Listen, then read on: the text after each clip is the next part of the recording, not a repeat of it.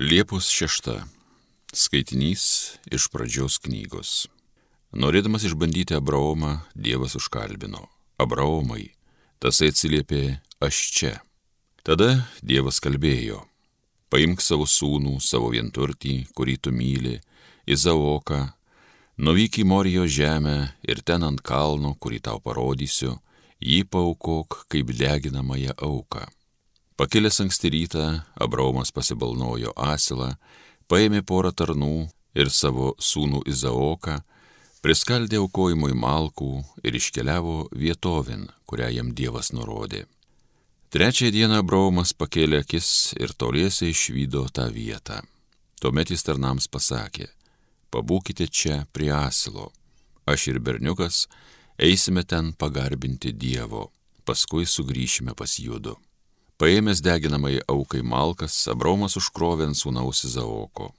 Pats į rankas pasėmė ugnį ir peilį. Drauge paėjėjus Izaokas kreipėsi į savo į tėvą Abraomą. Tėve, tasai atsiliepė, ko nori sūnau. Štai sako, ugnis ir malkos, o kur avinėlis deginamai aukai. Abraomas atsakė, pats Dievas savo numatys aukos avinėlį sūnau. Ir juodu žengė toliau. Atėjus į Dievo nurodytą vietą, Abraumas pastatė aukurą, sukrovent jo malkas, surišo sūnų Izaoką ir paguldė ant aukuro virš malkų.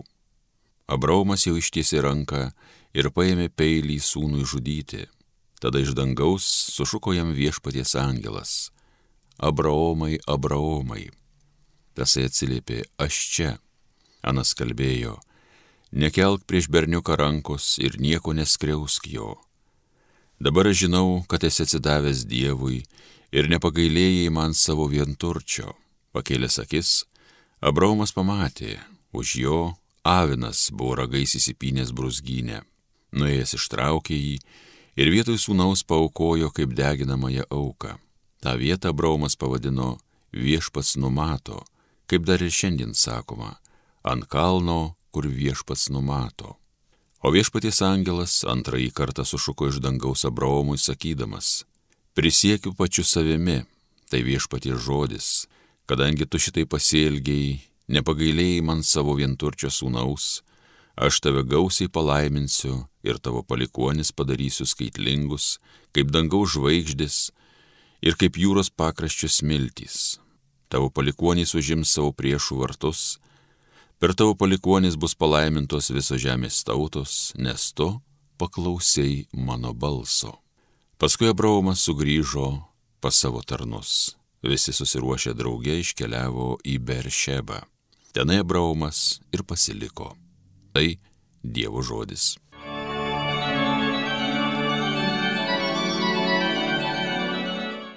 Vaikščiosiu aš Dievo akivaizdoj pasaulį tarpe gyvųjų Dievą myliu, nes jis išgirdo mano maldavimo balsą.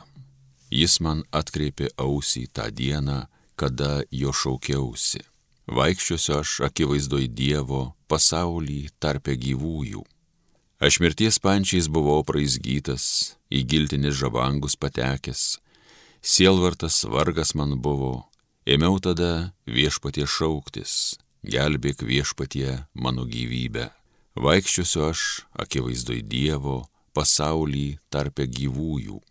Viešpats teisingas ir maloningas, jis mūsų Dievas didžiai gailestingas, jis nuolankiausius globoja, silpnas buvau, jis mane išvadavo. Vaikščiosiu aš, akivaizdoj Dievo pasaulį tarpe gyvųjų. Saugoju jis nuo mirties mano gyvybę, ašarų lieti neleido, nedavė klupt mano kojoms, vaikščiosiu aš akivaizdoj Dievo pasaulį tarpe gyvųjų. Vaikščiosiu aš akivaizdoj Dievo pasaulį tarpe gyvųjų. Dievas Kristuje sutaikino su savimi žmonės ir patikėjo mums sutaikinimo žinę. Alleluja.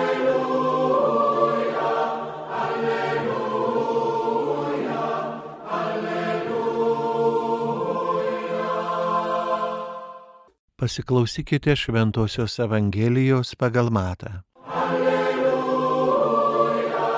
alleluja, alleluja. Įlipęs į valtį Jėzus persikėlė per ežerą ir sugrįžo į savo miestą. Ir štai jam atnešė paralyžiuotą žmogų, paguldytą ant neštuvų. Pamatęs jų tikėjimą, Jėzus tarė paralyžiuotajam, pasitikėk sunau, tavo nuodėmės atleistos. Kai kurie rašto aiškintojai ėmė niurnėti. Tasai pikžodžiauja. Skaitydamas jų mintis Jėzus tarė, kam taip piktai mastote savo širdyje? Kasgi lengviau, ar pasakyti, tavo nuodėmės atleistos, ar liepti, kelkis ir vaikščiok. Ir todėl, kad žinotumėte žmogaus sūnų turint galę žemėje atleisti nuodėmės, čia jis kreipėsi į paralyžiuotąjį.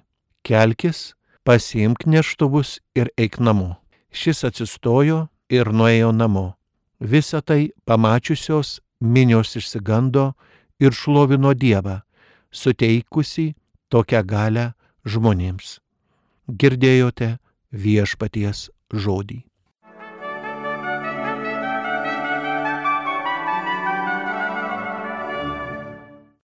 Brangus tikintieji, mėly Marijos radio klausytojai. Šios dienos Evangelija suteikia mums galimybę pamatyti ir suprasti, kad net ir sunkiausiose mūsų gyvenimo situacijose Jėzus visada pasirengęs mums padėti ir suteikti galimybę pakeisti savo gyvenimą. Jis mus palaiko, gydo, atleidžia nuodėmes, matydamas mūsų tikėjimą.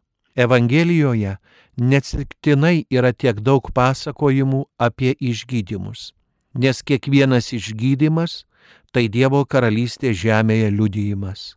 Tačiau, kaip matome, ne kiekvienas supranta įvykių prasme, net tuo met, kai tai vyksta jo akise. Iš čia ir kyla Jėzų matančių rašto aiškintojų ir fariziejų nepasitenkinimas. Nes Jėzus kalba apie nuodėmių atleidimą. O kas gali atleisti nuodėmės, jei ne Dievas? Jėzus, kaip Dievo sūnus, gali išgydyti fizinę negalę. Ir jis išgydė daug sergančiųjų, tačiau šį kartą jis pradeda gydimą atleisdamas nuodėmes. Tai yra svarbiausia. Ir būtina ne tik šiam paralyžiuotajam, bet ir mums visiems ateinantiems prie Kristaus. Daug asmenų, tiek Jėzaus laikais, tiek dabar, ateina į viešpaties namus, melzdami, kad pagytų. Tačiau ir tuomet ir šiandien. Ne visi nori pripažinti, kad pačia sunkiausia lyga pasilieka mūsų įsisenėjusi nuodėmė. Kristus neatsisako išgydyti kūno lygų, tačiau išgydydamas paralyžiuotąjį, jis leidžia aiškiai mums suprasti, kas yra labiausiai pražutinga ir nuo ko visų pirma reikia pagydyti žmogų. Nuodėmė mus visiškai dvasiškai paralyžiuoja. Paralyžiuoja ir emociškai, ir psichologiškai. Ji neleidžia mums teisingai mylėti save ir kitus. Aplink mus lik iškyla rūko siena, kuri supainioja šviesą su tamsa, mes pradedame nebeskirti blogio nuo gėrio. Šiandien apie nuodėmę kalbama mažai ir neteisingai, tarsi ji būtų nekalta silpnybė, neturinti jokių pasiekmių mūsų gyvenimui.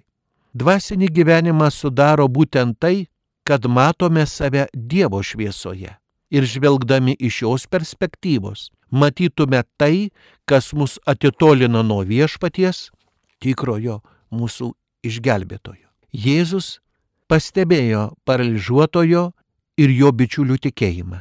Tikėjimas buvo pagrindu, dėl ko viešpats išgydė sergantįjį. Bet tikroji paralyžiuotojo problema buvo jo serganti dvasia. Dievas nenori mūsų problemas tik paviršutiniškai užglaistyti, lik makijažą ant veido užtepti, kad pridengtų mūsų trūkumus. Dievas atskleidžia ir gydo problemos priežastį. Ko reikia, kad Dievas pradėtų veikti mūsų gyvenime? Reikia labai pasitikėti Dievu. Jis mus išgydys. Todėl pirmiausia stenkimės pagyti iš savo nuodėmių, įdų ir silpnybių. nes jeigu neatsiversime, visi pražūsime. Visų pirma, Jėzui rūpi išvaduoti žmonės iš nuodėmių. Mūsų nuodėmės yra pagrindinė tiek dvasinių, tiek fizinių lygų priežastis. Žinoma, nebūtinai žmogus serga konkrečia lyga todėl, kad jis nuodėmingas.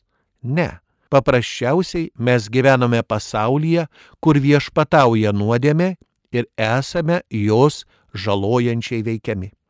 Kiek gyvenimų sugriovė, kiek žmonių sužalojo įvairios nelemtos priklausomybės. Priklausomybė narkotikams dažnai baigėsi mirtimi, priklausomybė alkoholio vartojimui, kiek sugriovė šeimų, likimų ir taip pat buvo mirties priežastimi, kiek įvairių seksualinių nusidėjimų taip pat per visas įvairias ligas tapo mirties priežastimi. Todėl popiežius Pranciškus sako, leiskime Jėzui mus atnaujinti, leiskime jam mus išvaduoti iš nuodėmių, kad atgimtume, kad būtume tarsi iš naujo sukurti. Mėly Marijos radio klausytojai, mes Evangelijoje skaitome, kad aklieji praregi, kurtieji pradeda girdėti, raišieji ir neįgalus vaikščioti. O jeigu tai perkeltume į dvasinio gyvenimo lygmenį, įsivaizduokime, kiek mūsų pasaulyje yra savo dvasia, raišų, aklų ir kurčių. Tik Jėzaus galioje viską pakeisti konkretaus žmogaus gyvenime. Tačiau prašydami pagydyti kūną, žmonės arba pamiršta, arba net nenori atsisakyti pamėgtų nuodėmių. Senasis testamentas liudyja, kaip žmonės, į kuriuos kreipdavosi pranašai, perduodami Dievo žodžius, likdavo kurti ir nenorėjo išgirsti Dievo kreipimosi į juos. Jie užsikiždavo ausis ir prašydavo pašalinti tuos, kurie savo kalbomis trukdė jiems nuodėmingai gyventi. Žmonės nenorėjo gyventi pagal Dievo žodį ir dėl to Izraelio tauta laikas nuo laiko kentė savo nuodėmių skaudžias pasiekmes. Ir dabar mes labai dažnai pasiliekame kurti viešpaties pamokymams. Greičiausiai mums kaip tik trūksta tokių pranašų, kurie atėję perspėtų mus, nes mūsų sąžinė jau seniai miega. Bet jeigu mūsų dvasinės akys, ausys ir širdis bus atviri, tuomet dangaus tėvas mums kalbės ir aiškins, kaip gyventi. Te reikia tik įsiklausyti ir būti pasiruošusiems įvykdyti jo valią, įvykdyti jo planą, skirtą kiekvieno žmogaus gyvenimui. Dievas individualiai kreipiasi į kiekvieną iš mūsų ir skirtingai vyksta bendravimas. Tačiau viešpas visada patars naudotis svarbiausių mūsų gyvenimo kelrodžių šventuoju raštu. Supraskime, kad Dievo pašvenčiamosios malonės praradimas yra pati didžiausia mūsų nelaimė, kurią galime patirti savo gyvenime. O Dievo pašvenčiamąją malonę prarandame, kuomet padarome sunkę nuodėmę. Neretai esame klaidingai įsitikinę, kad patys didžiausi stebuklai, kuriuos padaro Dievas, yra tik fiziniuose pagydymuose. Tai parodo, kad mes vis dar nesuprantame nuodėmės realumo. Nuodėmė yra pats didžiausias blogis ir pavojus, kuris gali nutikti mūsų gyvenime. Nesuprantame pavojaus, kadangi mes nesame įpratę turėti reikalą su dvasinėmis realijomis ir pastoviai esame santykyje tik su kasdieniniais materialiniais dalykais.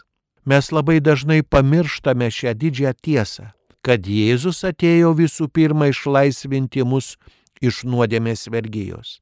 Be šio išlaisvinimo neturi reikšmės nei stipri mūsų sveikata, nei turtai, nei meilė. Tokiu atveju mes neišvengiamai pasmerkti gyventi be santykių su Dievu. Nes meilė yra pagrindas, kuomet mylim Dievą ir artimą kaip save patį.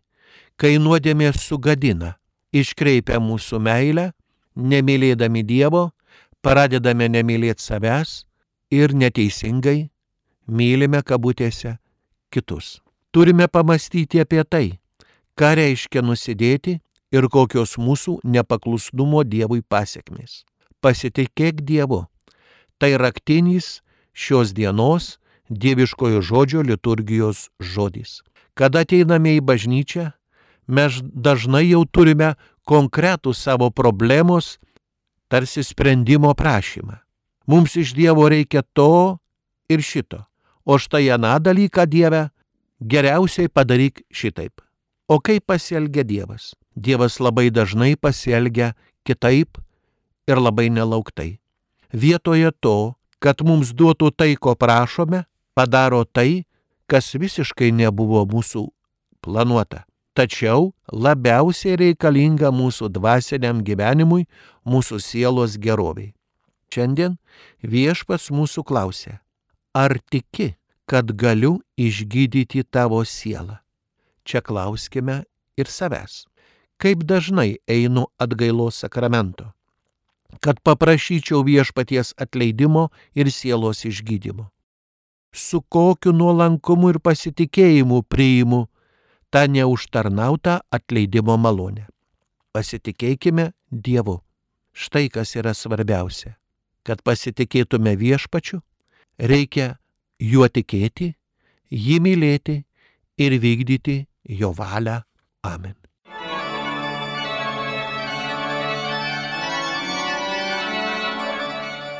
Homilija sakė teologijos mokslų daktaras monsinjoras Artūras Jėgelavičius.